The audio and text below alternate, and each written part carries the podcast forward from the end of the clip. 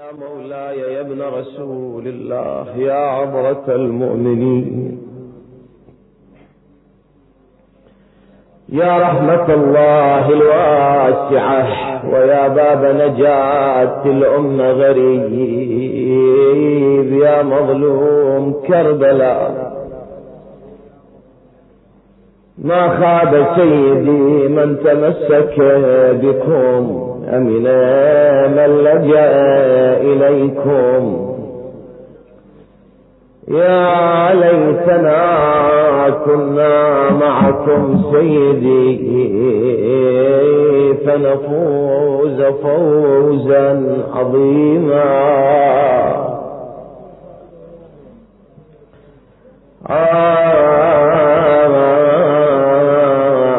البدار البدار آل نزار.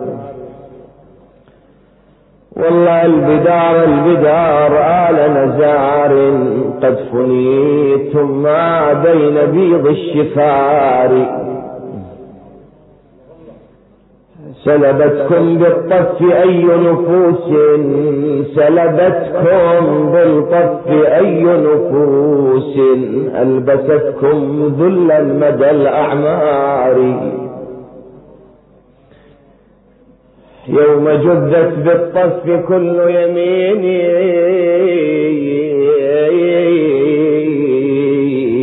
يوم جدت بالطف كل يمين من بني غالب وكل يسار. آه بني هاشم لا تلد هاشمية علوية. إي والله شو يقول هذا عبد الحسين؟ شكر رحمه الله. لاحظ هاي القصيدة ويقولون أول ما قرأها بحضور علماء كربلاء والنجف مراجع ومجتهدين وكذا وكان يقرأ. لا تلد هاشمية علويا إن تركتم أمية بقرار بعد بني هاشم طأطئ الرؤوس إن رأس حسين رفعته فوق القناة الخطاري يقولون جام لأحد علماء كربلاء قال يا شيخ إذا رفع رأس الحسين من أجل الله فعلينا أن نرفع رؤوسنا لا نطأطئ رؤوسنا. قال لن تبرني يا سيد القصيدة لم تكمل بعد انتظرني. طأطئ الرؤوس إن رأس حسين رفعته على القنال. والله الخطاري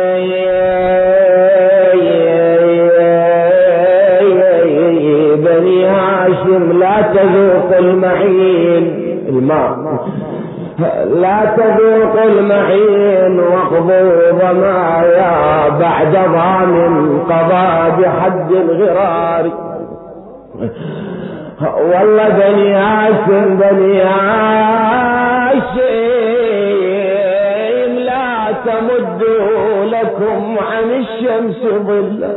الله أكبر. والله لا تمدوا لكم عن الشمس ظلا إن في الشمس مهجة المختار. يا يا لا تشقوا لا تشقوا لآل فهر القبور. ليش يا شيخ؟ لا تشقوا لآل فهر قبورا فابن طه ملقا بلا إقدار.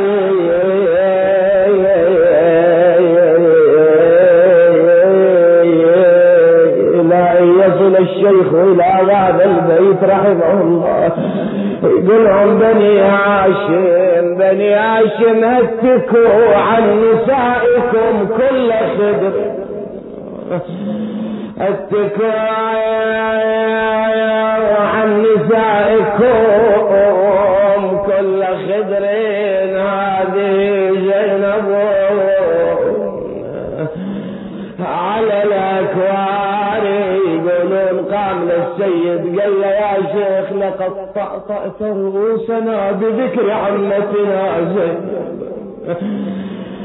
والله اتكوا عن نسائكم كل خبر هذه زينب. على الأكوار شأنها الناوح ليس تهدأ عن عن بكر بالعشي والإبكار إيه فرقة يا أبو اليمة وقول أن تخلص الفرقة شوف زينب شو تقول؟ بالله عليك يقولوا لي نعي نعي نعي هواي يطلبون مني. دخل أقرأ لك الأبيات هواي حزنان هالابيات لأن شاعرهم كبير معروف لا. إيه فرقه إيه فرقه زينب تقول للحسين يا أبو اليمه واقول ان تخلص الفرقة ورد ردود يا ابن أمي وصيحا هلا بهالملقى يا يا بالملقى عنهم صدق رديت لكن زمان اشفر وشوية ليش أقول لك انتبه ابيات ابيات ابيات عراقية أصيلة مولانا. والله إيه فرقة يا ابو اليمنى واقول ان تخلص الفرقة ورد ردود يا ابن امي وصيحا هلا بهالملقى. وصيحا هم صدق رديت لكن زمان إيش خلى وش بقى. خويا أبو علي أشوف الدار ذيك الدار لكن كلها لغياب. يا كنت احكي ويا روحي زينب تقول كنت احكي ويا روحي شلون؟ يا روحي من نصل لحسين. والله لحسين شحكي لو شبين وابدي له الحبيب مني. إي والله مني.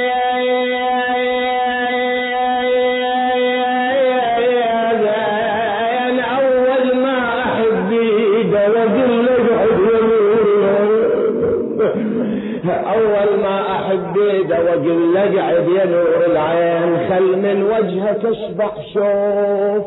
يا تالي الاطياب والله وناظر لي أجل روحي يا روح بنصل لابن أمي. قبل لا احكي بضيمي واسولف محنتي وهمي أحط راسي على براح وامزج دمعتي بدمي واقول له وش أنا زينب ليش تعوفني ويا جنايا؟ حنت بيت الدعاء. والله حنت حنت لجل العيد كل الناس حنت والله حنت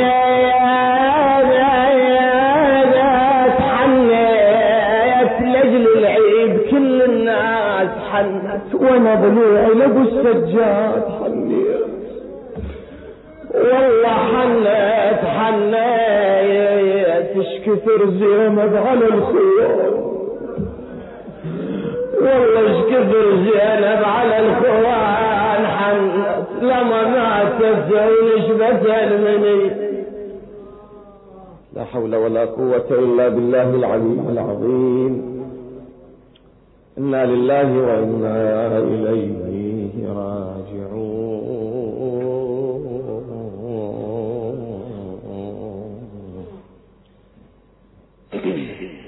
ليلة البارحة تكلمنا عن الإمام صاحب الزمان. صلوات الله وسلامه عليه وبينا أمورا هي في غاية الأهمية ترتبط بالإمام من قريب. وترتبط بالإمام من بعيد صلوات الله وسلامه عليه والنتيجة أنه الأمور اللي ذكرناها عن الإمام وأمر الإمام صلوات الله وسلامه بأسلوب جديد وبطرح جديد تصب في خدمة لاحظ ذكر الإمام المهدي. عجل الله تعالى فرجه الشريف. زين. أكو أمور في مسألة الإمام المهدي دائما عليها كلام زائد ناقص إشكالات كذا ذكر كثير أسئلة علماءنا طالما أجابوا عليها من الشيخ المفيد بل قبل المفيد من الصدوق صاحب كتاب إكمال الدين وإتمام النعمة اللي خصصه الصدوق للإمام المهدي عجل الله تعالى فرجه. ومو فقط الشيخ الصدوق ضمنه روايات آل البيت وإنما أجاب عن شبه كثيرة والصدوق من معاصري الإمام المهدي. بل الصدوق ولد بدعاء الإمام المهدي. لأن والد الصدوق ما كان يكون عنده أطفال وكذا فطلب من الإمام المهدي عجل الله فرجه الشريف أن يدعو له ليرزقه الله ملاحظ ولدا صالحا يفتخر به أبوه لأن أبوه كان من علماء الشيعة. فدعا له الإمام المهدي عجل الله تعالى فرجه الشريف فكان بركة دعاء المهدي الشيخ الصدوق رحمه الله. فهو رجل كبير هو مولود بدعاء الإمام بنفس الوقت عاصر الإمام عاصر نواب الإمام وكان أكو إشكالات في ذلك الزمن. انتبهوا يا إخواني في ذاك الزمن القديم يعني الإمام لم يغب الغيبة الكبرى وأكو إشكالات على قضية الإمام المهدي وأجاب عنها الشيخ الصدوق رحمه الله بروايات آل محمد عليهم السلام وبشرحه حتى ضمنه شرحا. وهذا الأمر انفرد به الصدوق من علمائنا لأن علمائنا قبل الصدوق رحمه الله أي أصحاب آل البيت يعني كانوا مجرد يذكرون رواية. أما شرح أو تضمين ما عندهم. الشيخ الصدوق انفرد عنهم رحمه الله بالشرح والتبويب والترتيب وطرح الشبه. ويجيب الروايات ومن ثم يشرحها ومن ثم يجيب عن الشبه الواردة في قضية الإمام المهدي. عجل الله تعالى فرجه الشريف هاي طبعا معلومات عامة مهمة وبنفس الوقت علماء تبعوا الصدوق. أما الشيخ المفيد فالشيخ المفيد المفيد يعني. المفيد من بعد الصدوق متخصص مولانا. الشيخ المفيد حتى أحد علماء إخوتنا أهل السنة يقول لولا المفيد لما قامت للتشيع قائم. حتى أحد علماء أهل السنة آه لما يذكر الشيخ المفيد رحمه الله يقول هذا الرجل أنا جلست معه رجل غريب هذا المفيد. قيل له وكيف قال ملاحظ لو أراد أن يثبت لك أن الله غير موجود لأقنعك بادلته تجيبها منا يجيب لك أدلة يقنعك. تجيبها منا يجيب لك أدلة يقنعك. ترجعها منا يجيب لك أدلة يقنعك. وهكذا. حتى لو يريد يثبت لك الله ما موجود يقنعك. هكذا ترى مو صحيح كلامه لكن هو هكذا ينقل عن الشيخ المفيد يعني لشدة حجته لقوة حجة الشيخ المفيد رحمه الله اللي خلى في قلوب خصومه لما مات الشيخ المفيد فرحوا بيوم موته وأحد علمائهم ما أذكر اسمه يقول وفي هذا اليوم أراحنا الله من المفيد. ها؟ يقول في مثل هذا اليوم أراحنا الله من المفيد. خلصنا منه ومن نقاشه ومن مناظراته ومن دينه ومن مذهبه ومن كذا. وإيش كان منهم الشيخ رحمه الله بأدلته القوية المتينة وما شاكل ذلك ومن ثم بدأوا تلاميذ المفيد الطوس تلميذ المفيد المرتضى تلميذ المفيد وهلم جرى وانت نازل بسلسلة علمائنا الأكارم؟ الأبرار. كل عالم من علمائنا شو أنت فوت هذا كلام ترى كلش مهم.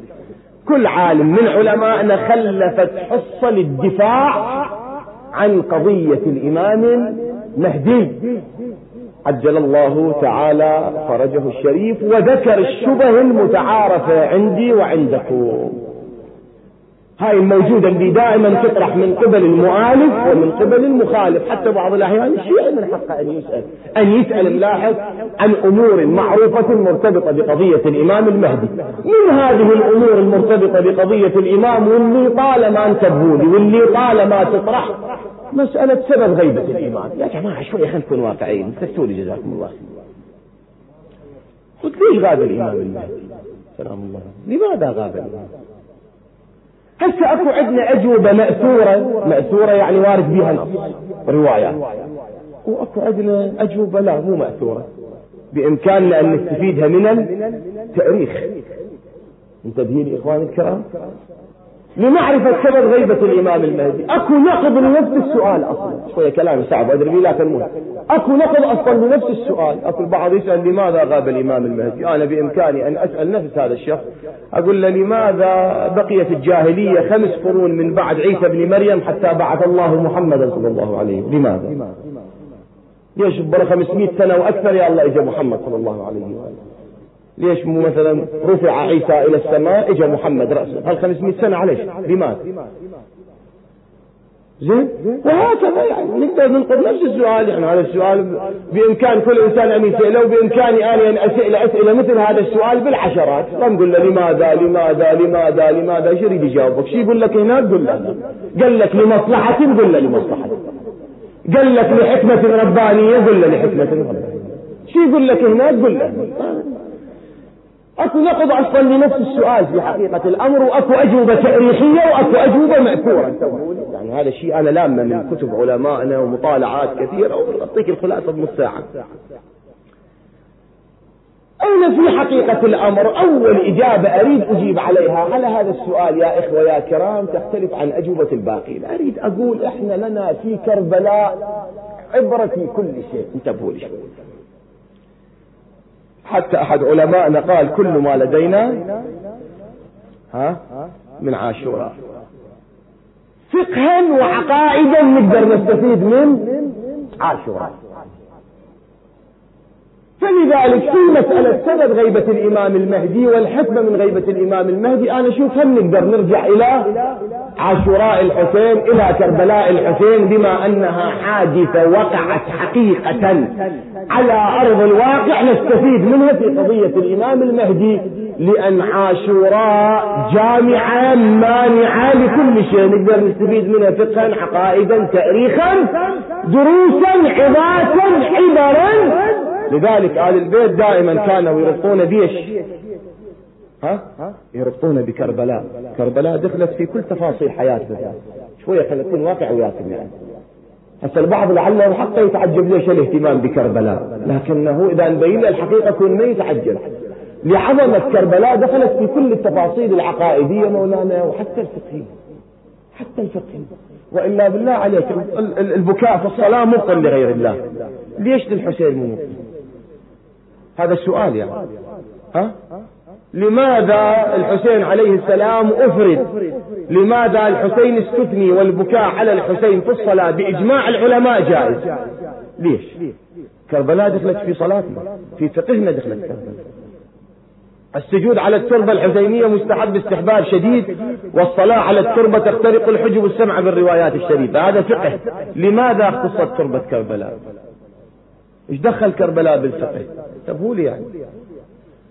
الصلاة بين القصر والتمام. الإنسان لما يسافر يقصر لما يبلغ ملاحظ ويتجاوز حد الترخص شو يسوي؟ يقصر كما يقول ديننا ومذهبنا وفقهنا. جيد جدا. ليش الإنسان لما يكون تحت الحائر الحسيني أو في الحائر الحسيني؟ هو مخير بين القصر والتمام واكو علماء لهم كل مدخل يرجع المقلدة يعني. لكن كقاعدة عامة هاي موجودة. أما اكو خواص واكو خصوصيات واكو كذا كل من يرجع إلى مرجع. لكن كقاعدة عامة علمائنا الكثره الكثيره منهم يقولون الحائر الحسين الصلاة ما بين القصر والتمام أنت مخير. ليش؟ هذا السؤال يعني.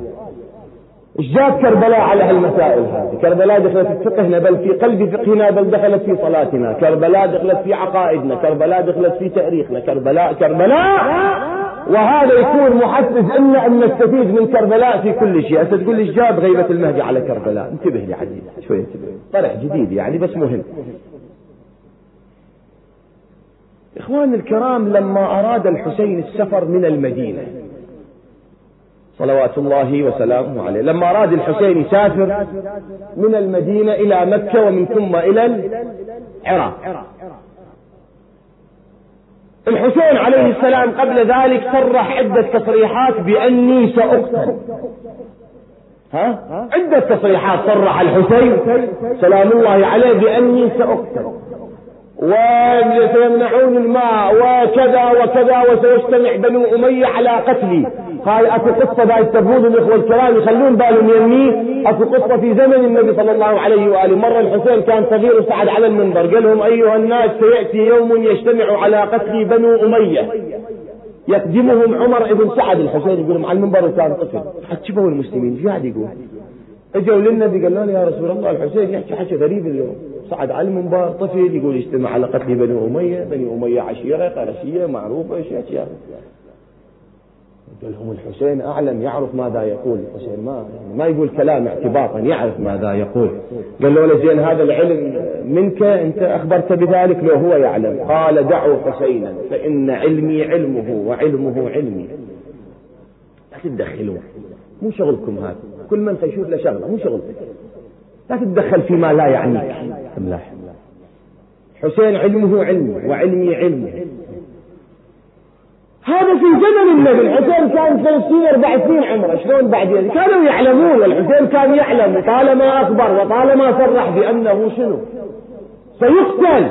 سلام الله عليه. زين الحسين راح يقتل. ويطلع من المدينة وماخذ عائلته وياه وأهله وياه. خب هذا يسبب إشكال. وفعلا سبب إشكال. سبب إشكال. عند عبد الله بن عباس. سبب إشكال ملاحظ عند محمد بن الحنفية سبب إشكال عند غير هؤلاء. اجى الحسين قال له أنت تقول أختك وأوصالي تقطع وكذا وكذا. إذا كنت تعلم بذلك جيد لماذا تخرج نساءك وأطفالك معك؟ النساء هاي وهالأطفال بنات رسول الله وأولاد رسول الله وأطفال رسول الله على شنو ماخذهم أبا عبد الله؟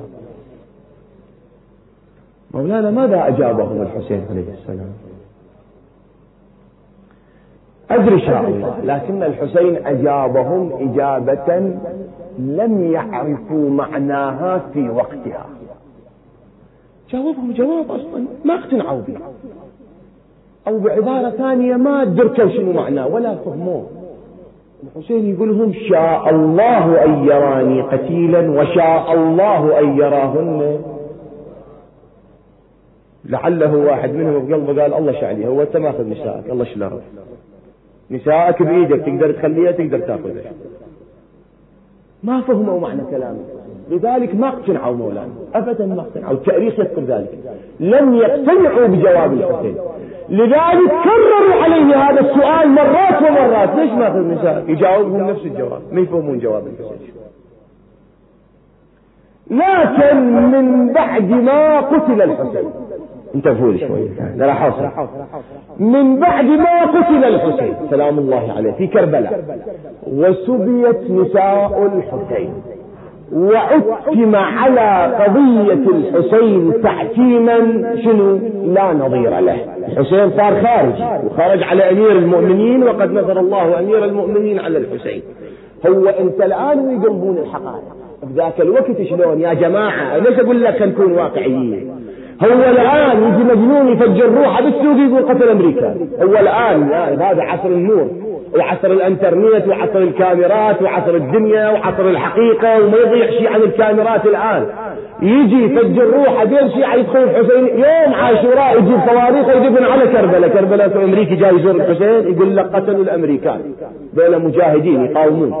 هو يقتل كربلاء يقتل زوار يقتل أطفال يقتل نساء ويقول لك دولة قاعد يقتلون مقاومين. في هذا العصر وشوف شلون يبدلون الحقائق ويكذبون. في ذاك الوقت شلون؟ يعني لما أقول لك هذا الكلام لا تقول ما معقولة واحد ما يدري الحسين منه لما يقول خارجي ما معقولة تنطلي على عقولهم هو الآن تنطلي على عقول أمتنا. يا جماعة خلينا نكون واقعيين. الآن الآن هاي أمتنا اللاحظ العربية قاعد تنطلي على اذهانهم اشكال وأشكال وأشكال ويكذبون عليهم وهم يصدقون الكذب مع انهم يرون عكس ذلك بأم عينهم فيكذبون أعينهم حتى يرضون أنفسهم بمصالحهم. والتلعب الحكي كله كذب وكله لا لا إلى واقع ولا إلى نهاية ولا إلى كيف في ذلك العصر مولانا الحسين عتم على قضيته تحكيم لا نظير. له ذاك الوقت لا تلفزيون ولا كاميرا. شايف شلون؟ والحسين شوف الحنكة الله أكبر ما أروعك يا أبا عبد الله. ما أروعك أبا. شوف الحنكة الكبرى اللي يملكها الإمام العظيم عليه السلام. الحسين علم يلاحظ أنه بدون أخ آه وسيلة إعلامية تبين الحقيقة وتزيف الكذب والبجل والتزوير وقلب الحقائق. ملاحظ من بعد مقتله سلام الله عليه كربلاء ما راح تثمر شيء أبدا. الحسين ما راح يسوي شيء. بدون هاي الوسيلة اللي تبين الحقائق للناس. من بعد مقتل الحسين عليه السلام والعائلة سرت البلدان والعائلة بينت الحقائق للناس وأن المقتول هو ابن رسول الله وأن العائلة عائلة رسول الله وسبب خروج الحسين ما هو؟ من بعد كل ذلك. أدركوا معنى كلام الحسين أن الله شاء أن يراني قتيلا وشاء الله أن يراهن. آه من بعد انتهاء العملية كلها. يا الله عرفوا ما كان يرمز إليه الحسين. صلوات الله وسلامه عليه. مولانا هذا الأمر خليه على قضية إمامك وإمام المهدي عجل الله فرجه الشريف. تقول لي شلون شنو الربط؟ أنا أقول لك شنو الربط. مو إلا يعني إحنا الآن نعرف لماذا غاب الإمام صلوات الله وسلامه عليه لأنه الظروف الآن وآل البيت قالوا لنا نفس جواب الحسين. يسأل الصادق لماذا غايب لماذا ملاحظ يغيب مهديكم يا ابن رسول الله؟ قال لأمر الله تبارك وتعالى. ما تفهموا شنو معنى لأمر الله. واليوم ما حد يفهم شنو لأمر الله؟ مثل جواب جد الحسين شاء الله. أن يراني حبيبه ما تفهموا شنو شاء الله. انتبه شوية. من أمر الله تبارك وتعالى. كقضية كربلاء لعله من يظهر الإمام سلام الله عليه ويكون ما يكون عند ظهوره. في ذلك الوقت نعرف الحكمة لو ما نعرف الحكمة. نعرف الحكمة كما جرى في كربلاء الحسين عليه السلام حينما عرفوا حكمة أخذ نساء الحسين مع الحسين. بعد انتهاء يوم كربلاء هذا الأمر نفسه خليه في قضية الإمام المهدي. عجل الله تعالى فرجه الشريف وقلت لك عدة إجابات. أكو لآل البيت من أراد فليراجع إكمال الدين وإتمام النعمة. للشيخ الصدوق كتاب كبير. واسع فيه روايات كثيرة كثيرة كثيرة. عن قضية الإمام المهدي عليه السلام وأكو روايات كثيرة. يسأل آل محمد يعني واحد اثنين ثلاثة منهم أربعة فيجيبون بجواب واحد. وهو سبب غيبة مهدينا أمر من ملاحظ مشيئة الله تبارك مرتبط هذا الأمر بمشيئة الله تبارك وتعالى. لا يمكن لنا أن نبديه لكم الآن. مضمون كلام مجموعة كبيرة من آل البيت. الروايات في ذلك موجودة في إكمال الدين للشيخ الصدوق رحمه الله. هذا الجواب الأول بسبب غيبة الإمام مهدي عجل الله تعالى فرجه الشريف. هذا جواب نقدر نسميه تأريخ يعني نستفيد من التأريخ مثلا. أكو جواب ثاني مأثور مولانا. هذا الجواب بينه آل البيت عليهم السلام لبعض خواصهم. آل البيت أكو كلام كانوا يقولون كل واحد وأكو كلام ما كانوا يقولون كل واحد. انتبهوا شوي. وحتى المعلى ابن خنيس رضوان الله تعالى عليه لما أخبره الإمام الصادق ببعض الأسرار ها؟ أنطى بعض الأسرار فأذاعها المعلى وقتل على أساس ما أذاع فقال فقال الإمام الصادق معلقا على مقتله لقد ذاق ما حذرته منه. قلت له هذا الحكي تقوله قالت أكل جزاء في الدنيا انقتل أهل البيت كان أكو عندهم كلام عام لكل الناس وكان أكو عندهم كلام خاص مو لكل الناس. آل البيت عليهم السلام كان أفصل هذا بحث دقيق أنت فود اليوم هم ماتوا قصة مشكلة هاي. آل الكلام كلش دقيق. آل البيت في بعض الأحيان صلوات الله عليهم أجمعين كانوا يقولون كلام لما يجي غيرنا ما عنده ثقافة مذهبنا وثقافة عصر آل البيت يقع في محظورات كبيرة. مولانا بعض الأحيان كانوا يجون يبنوا الإمام الصادق الإمام الصادق زرارة من أقرب المقربين للصادق. يجون جماعة يقعدون يم الإمام الصادق الإمام الصادق يقول لعن الله زرارة إنه يكذب علينا. هاي وين ذيك وين؟ حتى موجودة في كتبنا الإمام يلعن زرارة. زرارة من أقرب المقربين لآل محمد. زرارة ممدوح في عشرات الروايات. زرارة الإمام الصادق يقول لولا زرارة لضاعت أحاديثنا. زرارة من المختصين في الفقه الجعفري. الإمام حمله روايات وأحكام الفقه الجعفري. وكلها كانت في صدر زرارة. وعلى أساسها إحنا الآن ديننا قائم. زرارة زين شلون لعن الله زرارة إنه يكذب عليه هذا يجيك واحد ما يعرف ثقافة آل البيت وما يعرف جو آل البيت الخاص يقول لك شوف الشيعة هنا مدحة وهنا لعنة لا هي مو المسألة المسألة اثنين عباسيين كانوا قاعدين يم الإمام الصادق وجايين يجسسون على زرارة إذا زرارة قريب من الإمام الصادق حتى يأخذون دمه يسفكون دمه ويقتلون ملاحظ يهتكون عرضه ويأخذون أمواله ويهدمون بيته الإمام يلعن زرارة حتى يحفظ دمه وعرضه وبيته انتبه لي؟ لذلك لما يطلعون دول الجواسيس الاثنين الإمام يقول رحم الله زرارة. أنا ذكرت بالسوء حتى أخلت من شر ذول اللي كانوا جالسين ذول جواسيس بني العباس. يعني هذا إذا إنسان ما عنده ثقافة آل البيت شو يطلع راس خير تعال فهمني. ويا المشكلة. إيش يفهم من هالبوسة يعني بحاجة إلى إنسان مطلع على ثقافتهم. حتى المختار المسكين البعض إلى الآن يتكلم على المختار. والله ليش يتكلم على المختار؟ يشوف إمام إمامين ذموا المختار. مو ذموه؟ بأي, بأي مناسبة ذموه؟ بأي جو ذموه؟ في أي مكان ذموه؟ أهل البيت كانوا مطوقين. مولانا الإمام الصادق مرة من المرات نصب معتم بجد الحسين. وإجا شاعر قرب الإمام الصادق تعزية سلام الله عليه. ارتفعت ملاحظ أصوات البكاء في دار الإمام. رأسا طرقت باب الإمام الصادق؟ مباشرة. ما الخبر خيرك بكاء السيف الإمام قال لهم قلوا لهم أنه طفل للإمام أغمي عليه وصار بكاء. قالوا لهم يا طفل للإمام أغمي عليه وصار بكاء. تعزية تعزية. شكو خير.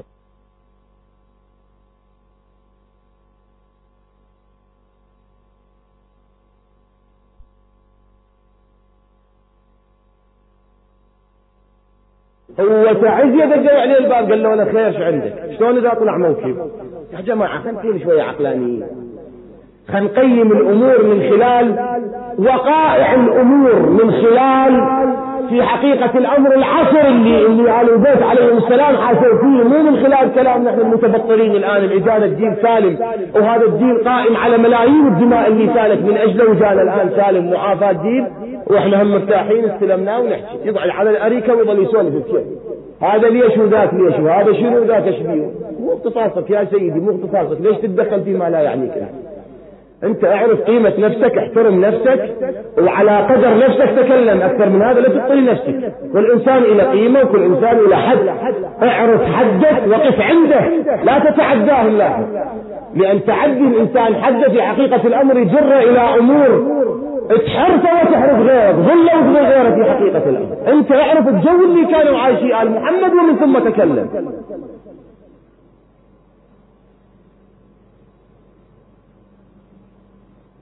وهاي امور خصوصا شبابنا انتبهوا لي إخواني.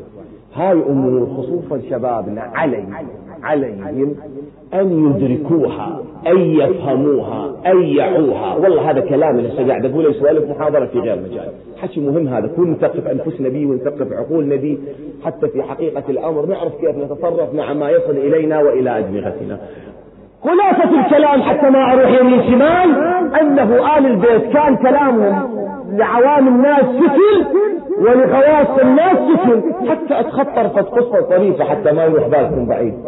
عني أنه مرة اثنين كانوا قاعدين جنب الإمام الصادق صلوات الله وسلامه عليه وإجا واحد منهم سأل الإمام قال له يا ابن رسول الله شلون هذا جدك علي؟ قسيم الجنة والنار. شوية عقلي ما يقبلها. الجنة والنار الله تبارك وتعالى يدخل ملاحظ من أطاعه الجنة ومن عصاه النار. هذه شعلية. إيش جاب علي بالنص يعني؟ التفت الإمام الصادق قال له أنتم ترون عن رسول الله أن حب علي إيمان وبغض علي كفر. قال إي نروي عن رسول الله ذلك. قال له على حب الجنة وعلى بغض النار ما دام حب إيمان جنة. وما دام بغض نار يعني شنو؟ نار ما هو من هالباب تقسيم الجنة والنار. قال له الآن افتهمت يا ابن رسول الله. لما خرج هذا الرجل التفت الإمام الصادق إلى الثاني كان جالس اللي هو من شيعته قال لا والله. الأمر ليس كذلك. وإنما جدي علي قسيم الجنة والنار. يقف بينهما. فيأمر محبيه إلى الجنة ومبغضيه إلى النار. مو مثل ما بينت. لكن هذا شنو؟ عقله لعله ما يتحمل. إذا أقول له أكثر من ذلك يروح يكفر بالله تبارك وتعالى. وهذا مشكلة فكون عامله على قدر عقله. يعني على قد تفكيره. ما ما حمله أكثر من طاقته. وإلا الحقيقة غير ذلك هسه هذا شو يفهمني أنا وياك يفهمني آل البيت كان عندهم كلام عام شايف شلون؟ وآل البيت بالعوام وآل البيت كان عندهم كلام خاص لمن؟ للخواص آل البيت في الجواب الأول لما يسألون عن غيبة المهدي شو يقولون؟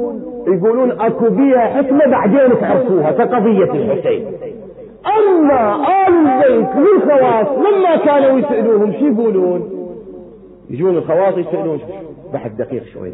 يجون الخواص يسألون آل البيت. يا ابن رسول الله ليش عود يغيب المهدي؟ هذا مهديكم لما يغيب؟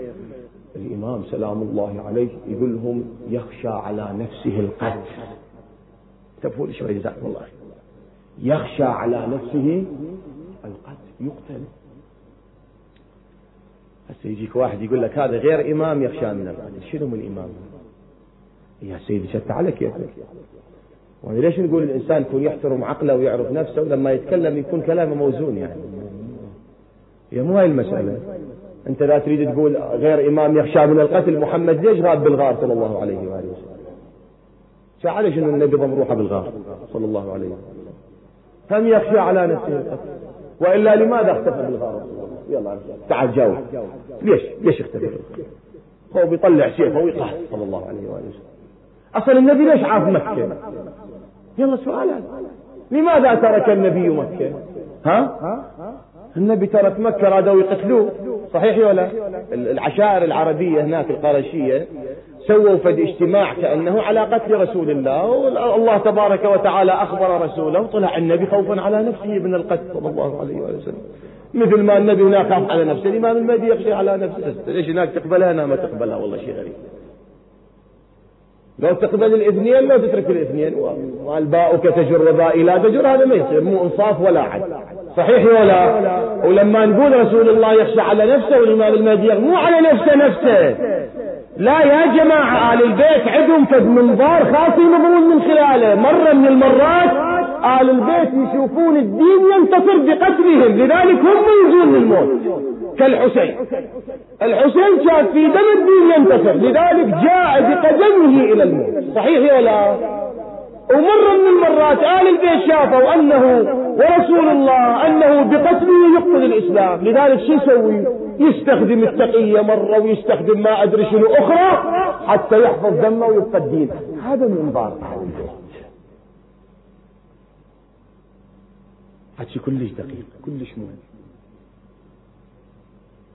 لذلك لما نقيم مواقف آل وش قد جميل لو نستفيد من هاي المواقف؟ شوي انتبه لي أرجوك.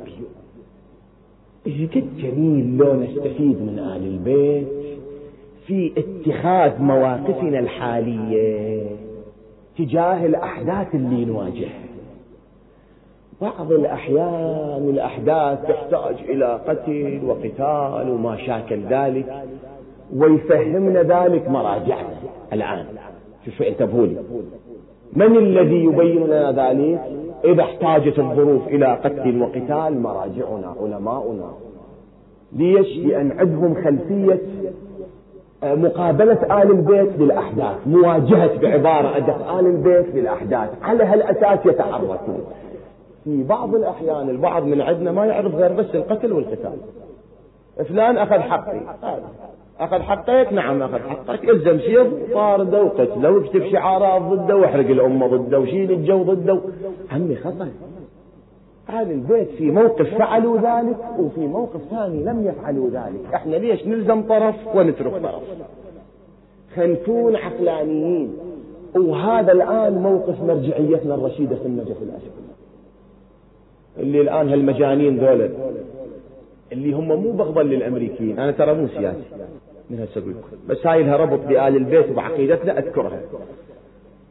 هالمجانين ذول اللي يدعون إلى الحرب والقتال قاتلوا الأمريكيين وك... والله هم مو مسألة الأمريكيين لأن هم قبل كم سنة كانوا يسجدون على أعتاب الأمريكيين باليوم ألف مرة مو عشرين مرة ولا سبعة ألف مرة كانوا يسجدون على أعتاب الأمريكيين. أقسم لك بهذا المنبر هي مو مسألة قاتلوا قاوموا لا والله بس هي مسألة ضحوا بدمائكم حتى نخلص منكم هنا هي انطوا دماءكم إذا قتلتوا أمريكا إحنا خاسرين وإذا قتلتوا شيء إحنا ما خسرانين. تقاتلوا بيناتكم وفكوا هي هنا مو مسألة قاتلوا قاموا لا سيدي هاي مسألة بعيدة لأن آه، قبل أيام وقبل سنين وقبل كذا أنتم كنتم أداتهم طالبان وغيره كانوا أداة الجماعة. يعني هم الذين جابوهم للوجود وأنطوهم رواتب وكبروا رؤوسهم وأنطوهم سلاح وأنطوهم كذا. وبعدين ما أدري السياسة شلون تغيرت أنا مو سياسي. النتيجة أنتم كنتم أعوانهم إحنا ما يوم من الأيام وقفنا مع إنسان خارج عن الدين أو ضد الدين أو يريد. هذا تاريخنا أبيض. الله وكيلك. من علي بن أبي طالب لليوم. والله العظيم أبيض تاريخ بالدنيا هو تاريخ. شفت مرجع من مراجعنا قاعد القصور لو يروح القصور لو دولة تطير شفتوا عمي؟ والله ما أقسم لك بالله ما أنا أدري بعلمائنا قضوا عمرهم بالخرايب وبالبيوت القديمة والدنيا كلها ضاغطة عليهم وكل يوم يقتلون وكل يوم يذبحون. وهاي يجيب تاريخ علمائنا. من اليوم الأول ولليوم كلها قتلى. أكثر طائفة بالوجود علماء قتلاهم الشيعة. ما عندنا عالم استلم راتب يوم من أيام من دولة أو استلم راتب من كذا. بعيدين كل البعد عن الدنيا ملاحظ وأهل الدنيا. هذه المسألة اللي أريد أقولها. في حقيقة الأمر حوزتنا الشريفة حوزتنا الرشيدة علمتنا شلون نقابل الأحداث من منظار آل محمد. السيد السيستاني حفظه الله الآن في النجف الأشرف قال ماكو قتال. ناخذ حقوقنا من خلال أمور سلمية وما ونستنفذ الوسائل السلمية ونحفظ دماءنا وأعراضنا وممتلكاتنا وننتصر بذلك. وشاهده على ذلك ودليله على ذلك. قال محمد صلوات الله عليه أجمعين. إذا عندنا إمام واحد قاتل عندنا مجموعة كبيرة من أئمة أهل البيت. حفظوا شيعتهم وحفظوا دماء شيعتهم وقعدوا. وكانوا يستغلون الفرص سلميا لخدمة هذا الدين ولإعلاء كلمة لا إله إلا الله. إذا نريد نكون ناس فاهمين عاقلين كما أراد الله لنا ذلك؟ ما آتاكم الرسول فخذوه. ما نهاكم عنه فانتهوا. الرسول قال أهل بيتي من بعدي. إذا نريد نطبق نداء الله ونداء محمد صلى الله عليه وآله وسلم علينا أن ندرس مواقف آل البيت تجاه الأحداث دراسة دقيقة لكي نستفيد منهم في حياتنا الحاضرة. انتبه لي؟ نستفيد منهم في حياتنا الحاضرة.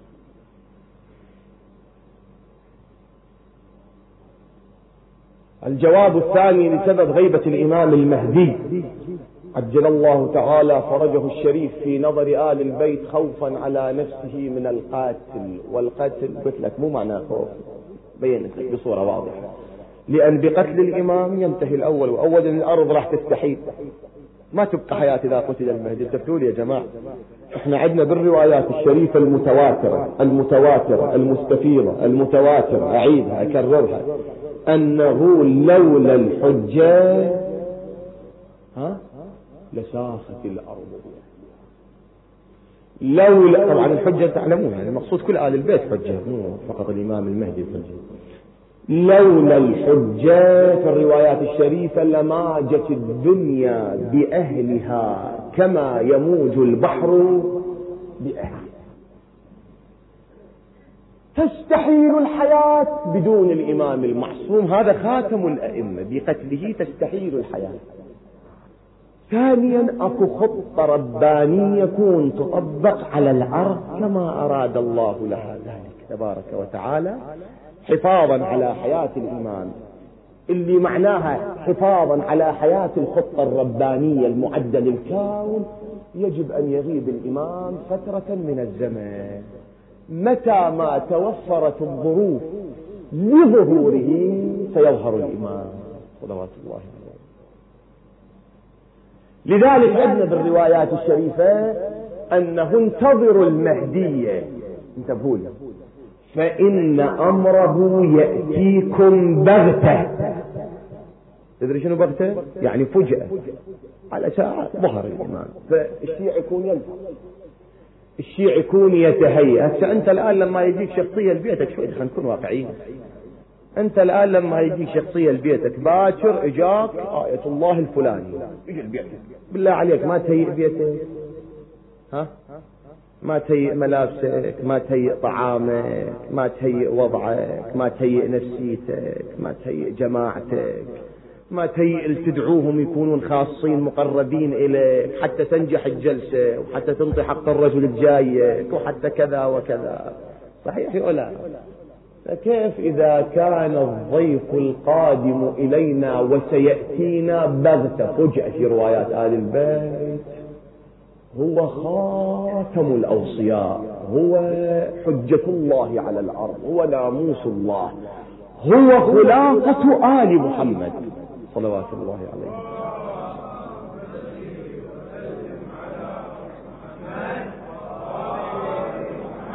شلون كون الشيعة يتهيئون لهذا الإمام يتحضرون لهذا الإمام صلوات الله وسلامه عليه؟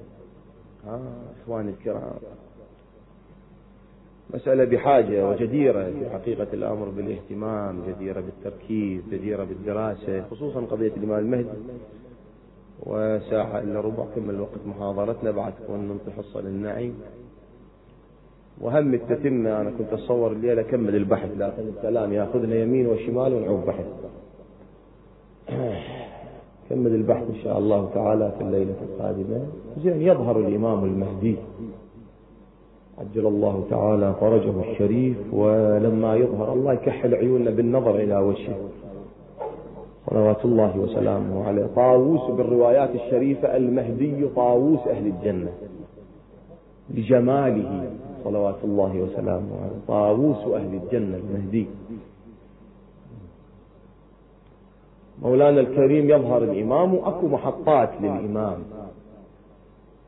ومن بعد ظهوره صلوات الله وسلامه عليه. ومن أهم المحطات. ومن أهم المحطات. التي يقف عندها المهدي. عجل الله تعالى فرجه الشريف هو مجيئه إلى كرب وبلاء إلى أرض كربلاء. يأتي الإمام في الروايات الشريفة. أكو عندنا روايات.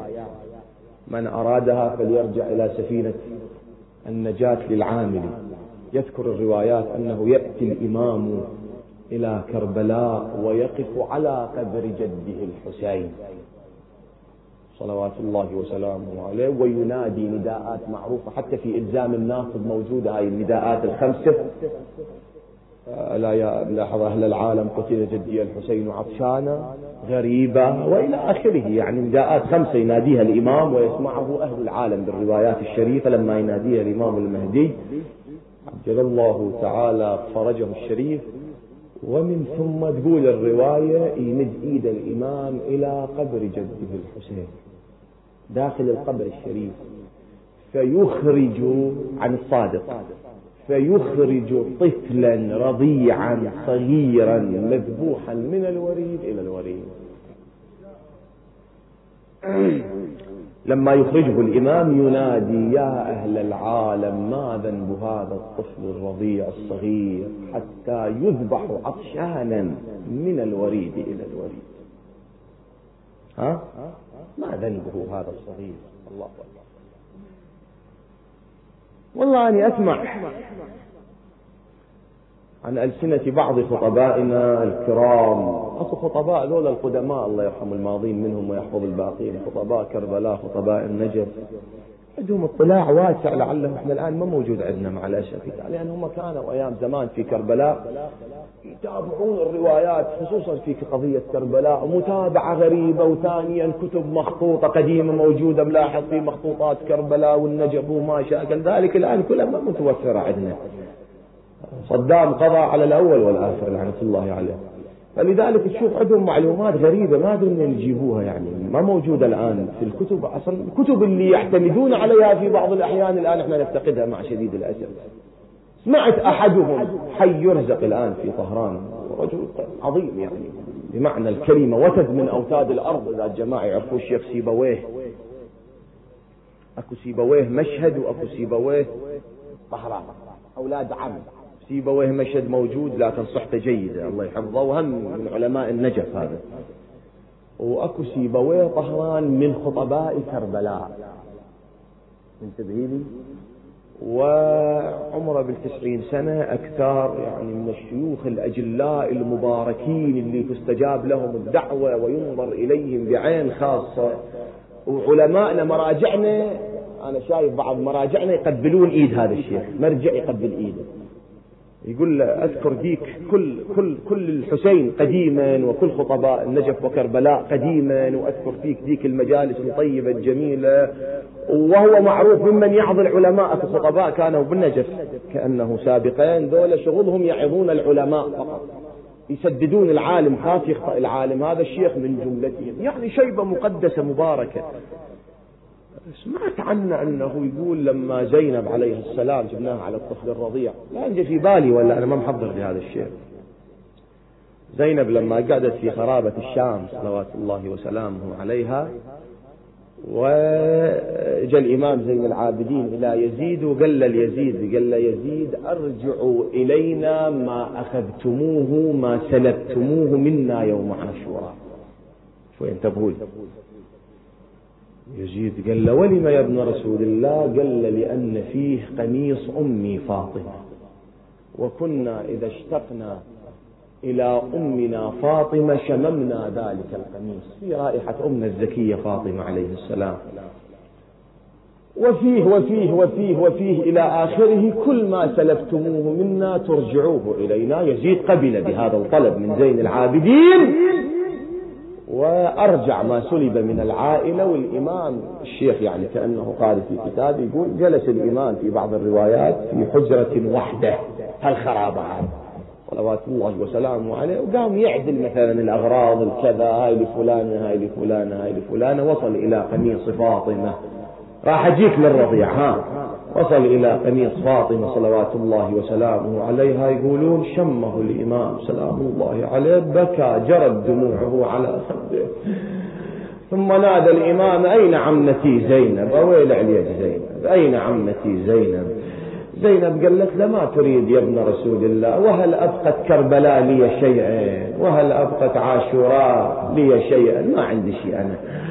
قالها عم زينب تعالي هذا قميص أمك فاطمة. خذيها جاءت زينب أخذت ذلك القميص شمت أنا يم الحسن يمي تعالي. وين تجي زينب؟ والله أنا يم الحسن يم تعالي وشوف كربل إيش سوت بحالي أريد دمع عيون أريدك أبو تعزيه ترى. أنا ترى أختار لك الشعر اختيار والله اختيار أختار لك إياه. أشوف الأجل أجل وأقرأ.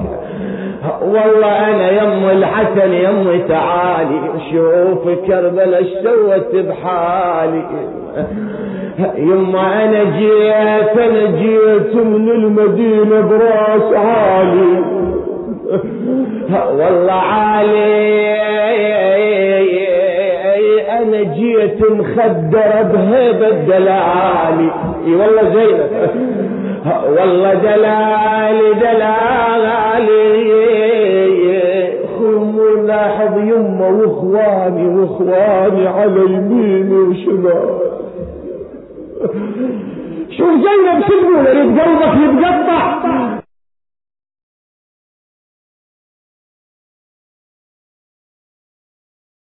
والله إخواني على يميني وشمالي يما أنا ما حس بيت بهاي تالي. والله تالي زمان يدور ويغير احوالي يا بزمان يدور ويغير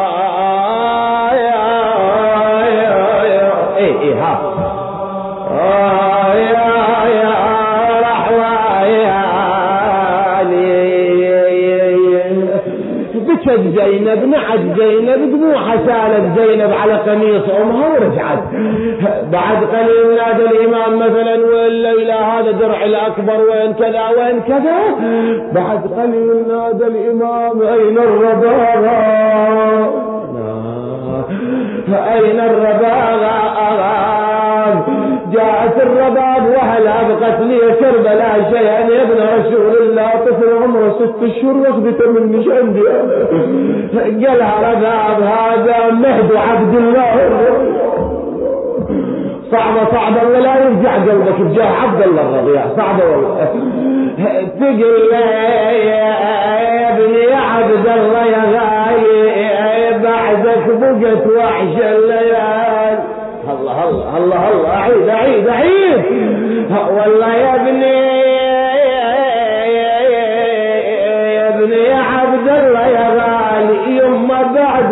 بقت وحش الليال والله الليالي يا ابني أنا لدورا على اليمين وشمال والله يما شمالي وأنا بس هاي ما كانت ببالي. والله بالي الذنب المغد والمغد. يا بقى الذنب المغد والمهد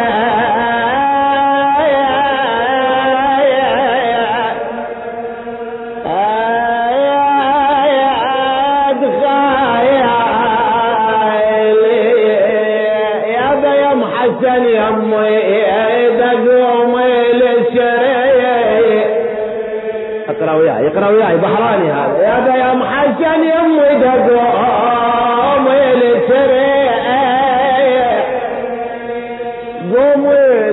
خلي نشوف بعد بعد اللي عنده حاجة اللي عنده حاجة. أنا كواحد شفتوني من أول ليلة من اليوم ما نسيته يا محسن يمي دقومي مسرعة دريت يما قومي خلي نروح يم المشرب اللي عنده حاج والله شوف ابو فاضل. شفوفه مقطعه نشوف ابو فاضل شفوفه مقطعه ويتغنيت لك ولا المخطوف وقلوبنا ترجف من الخوف. يابا وقلوبنا وقلوبنا ترجف من الخوف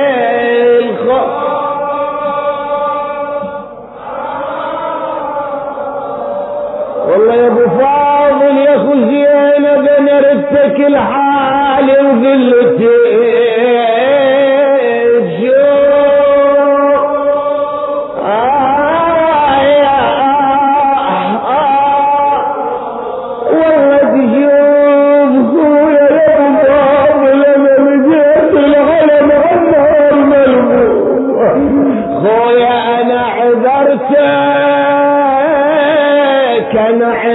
عذرتك يا من ما عندك.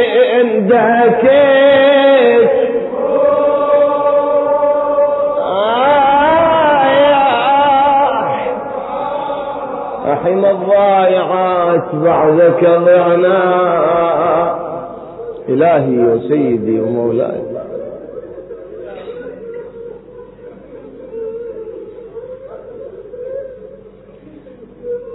أسألك وأدعوك وأقسم عليك بزينب ومصائب زينب. قسم ترى كلش عظيم يعني. هسه إحنا من بدينا شهر رمضان لليوم نحكي بس بمصايب زينب. فقسم عظيم يعني. إلهي بزينب ومصائب زينب. صل على محمد وآل محمد. عجل فرج مولانا يا الله. واجعلنا من خدامه من المستشهدين تحت لوائه يا الله. اللهم صل على محمد وآل محمد. اشفي مرضانا يا الله. اكو مريض منظور سألني الدعاء.